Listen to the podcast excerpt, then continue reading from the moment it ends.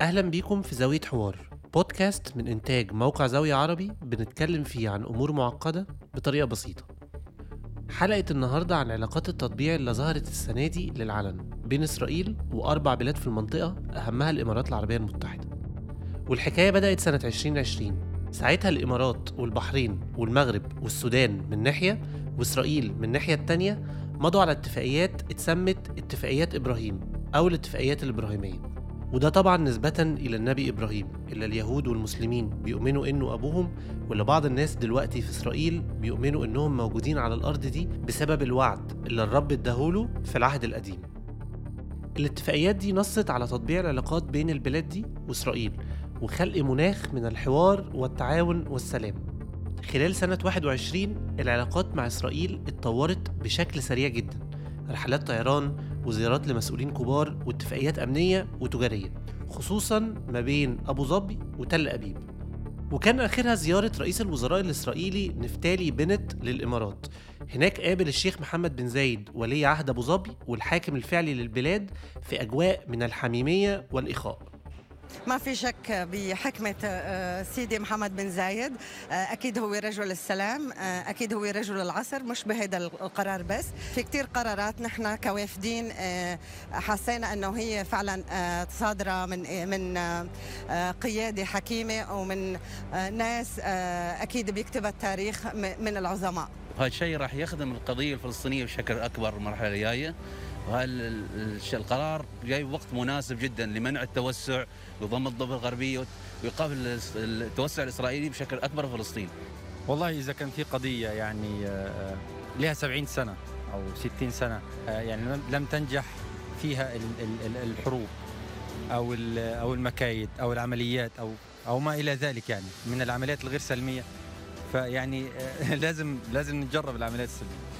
ما دام قيادتنا. في حاجتين لفتوا انتباهي في القصة دي. أول حاجة إن كل التطورات دي حصلت في نفس السنة اللي حصلت فيها قضية حي الشيخ جراح اللي هو الحي الفلسطيني في القدس اللي إسرائيل حاولت تطرد منه أسر فلسطينية السنة دي. وبعدها حصلت مظاهرات وحماس ضربت صواريخ على إسرائيل وإسرائيل رمت صواريخ على غزة. وكل ده خلق موجة جديدة من التضامن مع الفلسطينيين حوالين العالم وبين العرب. وكمان بقى ترند على ال social media. الحاجة التانية اللي لفتت انتباهي هي إن الدول العربية اللي وقعت على الاتفاقية دي ما كانتش مجبرة تعمل كده. وده مثلا بعكس مصر اللي اتفاقية السلام والتطبيع مع إسرائيل كانت في سياق إنهاء حالة حرب واسترجاع أرض. إيه اللي خلى الدول العربية تاخد خطوة التطبيع في الوقت ده تحديدا؟ وإزاي قدروا يعملوا كده مع إن الخطوة دي كانت شيء شبه مستحيل من سنين قليلة؟ يتم النظر إلى إسرائيل ليس ما هي كيان دخيل في المنطقة زي ما لدي كثير من العرب هذا التصور على مدى السنين لكن هي واقع ولاعب مهم وقوي ومهم إن إحنا يبقى عندنا علاقات قوية معاه لأن هو هيلعب دور مهم في مستقبل المنطقة بشكل عام. معايا في حلقة النهارده صامويل تادرس الباحث بمعهد هدسون في واشنطن في الولايات المتحدة الأمريكية. وقبل ما نبدأ بفكركم تعملوا subscribe على البودكاست على المنصة اللي بتسمعونا عليها سواء كانت ابل أو جوجل أو سبوتيفاي أو انغامي أو ساوند كلاود في ناس كتير قرت اتفاقيات سلام بين الإمارات وبين إسرائيل. باعتبارها إن هي آه، جزء من محاولة الإمارات للبحث عن آه، خلفاء في المنطقة. آه، يساعدها في مواجهة الأخطار الجيوستراتيجيه المختلفه اللي هي بتواجهها. المخاطر اللي هو بيتكلم عنها دي أهمها إيران إلا من سنة 71 لغاية دلوقتي محتلة ثلاث جزر في الخليج الإمارات بتطالبها بيهم. آه، إسرائيل بتوفر للإمارات شريك استراتيجي آه، وشريك قادر وشريك يفعل. آه، بشكل حتى أمريكا نفسها ما بتوفروش يعني طبعا ليس هناك وجه مقارنة بين القدرات العسكرية الأمريكية والإسرائيلية لكن في قدرة أو ويلنس رغبة أكثر إسرائيلية في وثبت ده على مدى السنين في إنها تقدر تتصرف وبشكل سريع وتتعامل مع مواقف مختلفة. المفاعل النووي السوري اللي كان بيتبني المفاعل العراقي قبليها العمليات المختلفة السريه اللي بتتم داخل ايران تجاه العلماء والبرنامج النووي أو حتى بشكل تدخلها في الأردن في سنة 70 لإنقاذ الملك حسين بعد تدخل أو محاولة التدخل السورية اللي تمت وقت أيلول الأسود. المواقف الثلاثة اللي صامول اتكلم عليها وهي ضرب إسرائيل لمشاريع المفاعلات النووية في العراق وسوريا سنة 81 و2007 ومساندة إسرائيل للحكومة الأردنية ضد القوات السورية سنة 70 كلها عملت لإسرائيل السمعة إنها لما بتبقى عايزة تعمل حاجة بتتحرك وبتعملها. والإمارات في وجهة نظر صامويل عايزة حليف بالشكل ده. والمبهر في قصة التطبيع دي إن الحكومة في الإمارات بتتصرف وكأن الرأي العام العربي والإماراتي اللي ممكن يكون بيعارض التطبيع مش موجود أصلا. وده شيء غريب بالنسبة لي على الأقل. خصوصا يعني إن جزء كبير من سكان الإمارات عرب من مصر ولبنان وفلسطين ممكن يكونوا مش موافقين إن نفتالي بنت رئيس الوزراء الإسرائيلي يزور أبو ظبي والموضوع كده يبقى عادي أعتقد إن هو ما عندوش تخوفات تجاه الداخل الإماراتي سواء من المواطنين أو المقيمين لأن هو عنده سيطرة أمنية قوية جدا بتسمح له إن هو يعني يتلافى أي خطر من ده قبل ما يظهر حتى ويبدأ في التكوين. لكن ما فيش شك إن ده بيأثر على صورة الإمارات لدي بعض العرب اللي ما زالوا شايفين إن القضية الفلسطينية هي القضية المركزية واللي واقع الفلسطينيين بيأثر معهم على أو في تصوراتهم وفي أفعالهم. لكن أعتقد إن الإمارات عندها قراءة للمنطقة مختلفة عن قراءه الطبيعية الموجودة عن هذا الشارع العربي اللي بتحركه القضية الفلسطينية. في القراءة اللي بيتكلم عليها مفيش شارع عربي له رأي موحد في القضية الفلسطينية لكن في شارع مصري وشارع لبناني وشارع سوري وشارع سعودي وهكذا وكل واحد فيهم له أولويات مختلفة عن التاني النقطة الثانية طبعا اللي هي اختلاف الظروف العالمية يعني لما حصل بدايات السلام بين مصر وإسرائيل كان وضع العالم كله مختلف تماما عن النهارده وكانت أهمية القضية الفلسطينية مختلفة ومركزيتها عند الناس وكل ده. النقطة الثالثة أعتقد إن إحنا بننساها إن كان في قدر جدي من فتح العلاقات مع إسرائيل تحت السادات. مبارك هو اللي قفل ده. فالنظام المصري من وقت قتل السادات هو تبنى فكرة إن العلاقات تبقى في مستوى الدولة فقط أو النظام فقط ولا تكون على أي قدر من المستوى الشعبي. النقطة الثانية طبعا إن مصر كان فيها تيار سياسي قوي كان يقدر يقف بل ويجبر اللي عايزين يطبقوا إن هم يتراجعوا عن موقفهم. يعني كان في نقابات تتمتع بقدر من الاستقلالية عن القرار الحكومي، كان في مجتمع موجود مدني برضه بقدر من الحركة، كل الأمور دي غايبة عن الواقع في دول الخليج اللي ما فيش فيه تقدر تبني معارضة قوية لحاجة زي التطبيع. نفس الشيء بالنسبة لبلاد مختلفة، يعني ما أعتقدش إن حد يتخيل إن واحد سوري هربان من بطش الأسد عايش في مخيم على الحدود مع تركيا ولا لاجئ في دولة أخرى مهتم بالأمور الفلسطينية أكثر من اهتمامه بأمور دولته نفسها.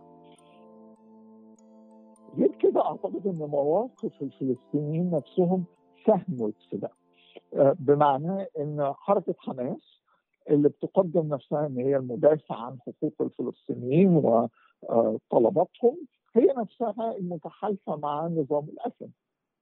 حزب الله اللي كان في وقت بينظر بيه إن هو بطل مقاومة هو المتورط في قتل السوريين وفي الجحيم اللي اللبنانيين عايشين فيه النهارده نتيجة انهيار الدولة نتيجة دور حزب الله فيه.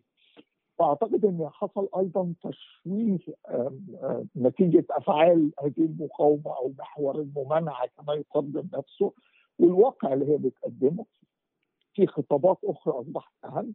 الصراع السني الشيعي صراعات مختلفة مطالب الأكراد كل هذه الأمور داخل الدول المنطقة المختلفة أصبحت هي المسيطرة على الواقع السياسي فيها وتحولت القضية الفلسطينية إلى حاجة على جنب تماما.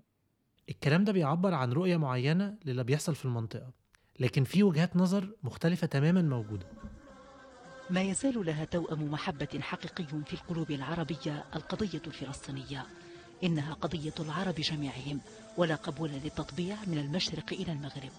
كذلك قالت نتائج المؤشر العربي لعام 2020 الذي أجراه المركز العربي وده جزء من تقرير من التلفزيون العربي المدعوم من قطر. بلدا عربيا.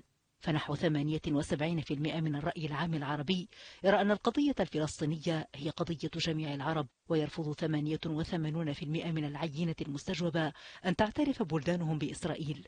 بقي اللب. واللي جاي ده الكلام اللي قاله إسماعيل هنية رئيس المكتب السياسي لحركة حماس الصيف اللي فات. أعدنا القضية الفلسطينية إلى الواجهة نحن أيضا أظهرنا زيف ما يسمى التطبيع وبناء التحالفات مع الاحتلال الإسرائيلي لذلك القضية الفلسطينية اليوم. على المستوى الفلسطيني وعلى المستوى الإقليمي وعلى المستوى الدولي هي في موقع وفي وضع أفضل مما كانت عليه. هذا وأضاف هنيا أن الاحتلال كان يريد استباحة المسجد الأقصى. وسواء صدقنا إن فلسطين ما زالت في القلب فعلا أو إن في أمور تانية حلت محلها في كل الأحوال صفقات التطبيع أصبحت واقع لازم الكل يتعامل معاه. المدافعين عنه شايفين إن الاعتراف بإسرائيل خصوصا لبلد زي الإمارات هو ضرورة في خطتها للانفتاح على العالم. زي كده ما قررت تغير الأجازة الأسبوعية بتاعتها إنها تبقى السبت والحد زي البلاد الغربية. وجهة النظر دي شايفة إن حكام الإمارات طموحهم إن بلدهم تبقى جزء من العالم بشكل عميق ومختلف عن أي دولة عربية أو إسلامية تانية. وإن آل نهيان وآل مكتوم هم أكتر حكام العرب استنارة. لكن أنا مش متأكد من دقة اللفظ والطرح ده. أعتقد إن إن كلمات زي المستنير فيرسز غيرها مش مش معبرة جدا عن ال- اللي في المنطقة. بمعنى ما أعتقدش إن إحنا بنرى في المنطقة مشروع تنوير مشابه مثلا للي حصل في أوروبا في حقبة تاريخية معينة. الأكثر قدرة I think ال term على وصف ما يحدث هو البراجماتيه بمعنى إن أصبح هناك رغبة إن إحنا نبقى زي الناس الثانية نعيش كده زي العالم ضمن هذا الإطار الموجود حوالينا. الناس عايزة تروح سينمات وتنبسط الناس عايزة تعيش حياة طبيعية كما أصبح هناك هذا التصور عن الحياة الطبيعية دون وجود منطلقات ايديولوجيه واضحة في اشكالها أعتقد أن هناك يعني الناس اكتفت من الايديولوجيا وال وال والبديل ليها اللي أصبح موجود هو فكرة نعيش زي غيرنا بهذه البساطة أو الصياغة البسيطة لها أو تحت إطار البراجماتيه ونتعامل مع العالم كما هو. آه، يعني ربما الرئيس السيسي أكثر واحد عبر عن ده بكلمات بسيطة لما قال لك إن إحنا مش ممكن يعني هيبقى المليار ده بيحارب الستة سبعة مليار اللي في العالم كله.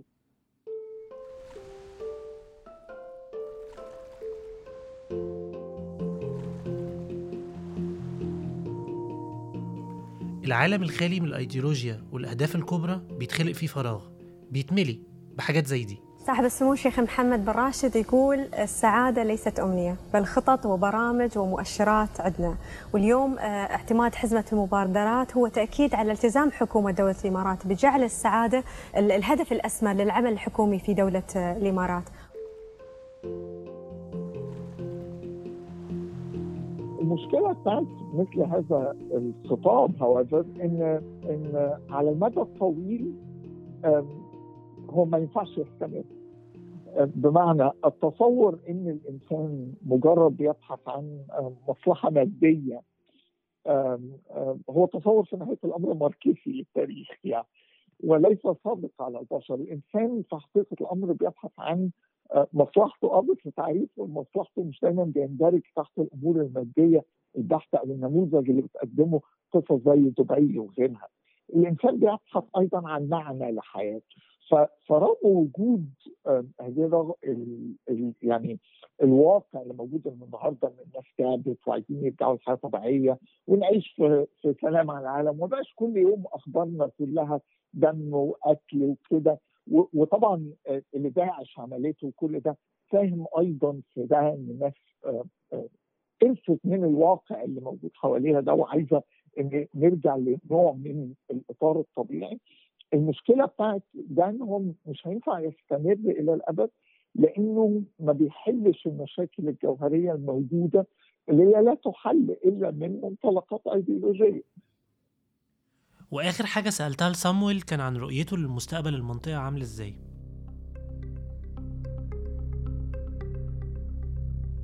يعني مثلا بعد 30 سنة هل مسألة التطبيع دي هتبقى القاعدة؟ هل هيبقى في قبول أكتر ليها بين الشعوب ولا هيحصل لها رد فعل عكسي؟ وده طبعا مع الأخذ في الاعتبار إن 30 سنة مدة طويلة جدا وممكن يحصل فيها حاجات كتيرة جدا غير متوقعة إن إحنا ما حليناش القضايا بتاعت من 1400 سنة علشان نحل القضية اللي من 30 سنة أو من 70 سنة. إحنا ما زلنا في سؤال السنة والشيعة والصراعات وما زلنا مع سؤال الحداثة المطروح منذ 200 سنة وما زلنا بدون اجابات نهائيه وما زالت هذه الأسئلة بتسيطر على ال أو هي اللي بتصيغ الحياة عندنا. نتيجة بقى تخيل إن الوضع بعد 30 سنة هيكون إلى حد ما مشابه لوضعنا الآن بمعنى إن هيظل هناك أنظمة ترى في تبني شعارات المقاومة والممانعة شيء يفيدهم وتستغل في صراعاتها مع بعض.